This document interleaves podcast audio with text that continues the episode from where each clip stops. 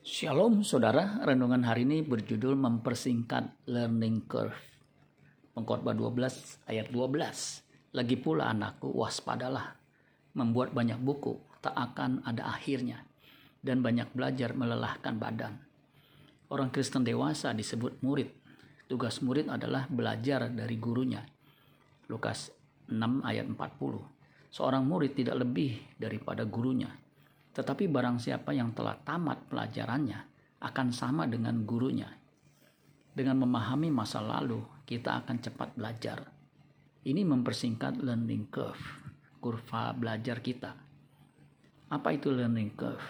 Learning curve adalah istilah yang sering digunakan dalam percakapan di dunia kerja untuk menggambarkan waktu dan upaya yang dibutuhkan saat mempelajari sesuatu yang menantang. Learning curve adalah metode yang digunakan untuk mengetahui peningkatan produktivitas secara kuantitatif. Learning curve dalam bahasa Indonesia disebut kurva belajar. Selain itu, kurva ini juga disebut kurva produktivitas, kurva pengalaman, kurva efisiensi, dan kurva biaya. Kristus hadir dalam sejarah manusia. Ia telah belajar dan mencapai kesempurnaan sebagai gambar Allah yang gagal dicapai oleh Adam. Itulah sebabnya Kristus disebut Adam kedua atau Adam akhir. 1 Korintus 15 ayat 45. Seperti ada tertulis manusia pertama Adam menjadi makhluk yang hidup.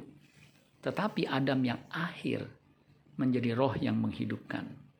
Yesus disebut rabi atau guru dari Nasaret. Ia juga belajar menjadi taat. Ibrani 5 ayat 7 sampai 9 dalam hidupnya sebagai manusia, ia telah mempersembahkan doa dan permohonan dengan ratap tangis dan keluhan kepada Dia yang sanggup menyelamatkannya dari maut. Dan karena kesalehannya, ia telah didengarkan. Dan sekalipun ia adalah anak, ia telah belajar menjadi taat dari apa yang telah dideritanya. Dan sesudah ia mencapai kesempurnaannya, ia menjadi pokok keselamatan yang abadi bagi semua orang yang taat kepadanya. Orang Kristen yang adalah murid Kristus harus mengikuti jejaknya. 1 Petrus 2 ayat 21.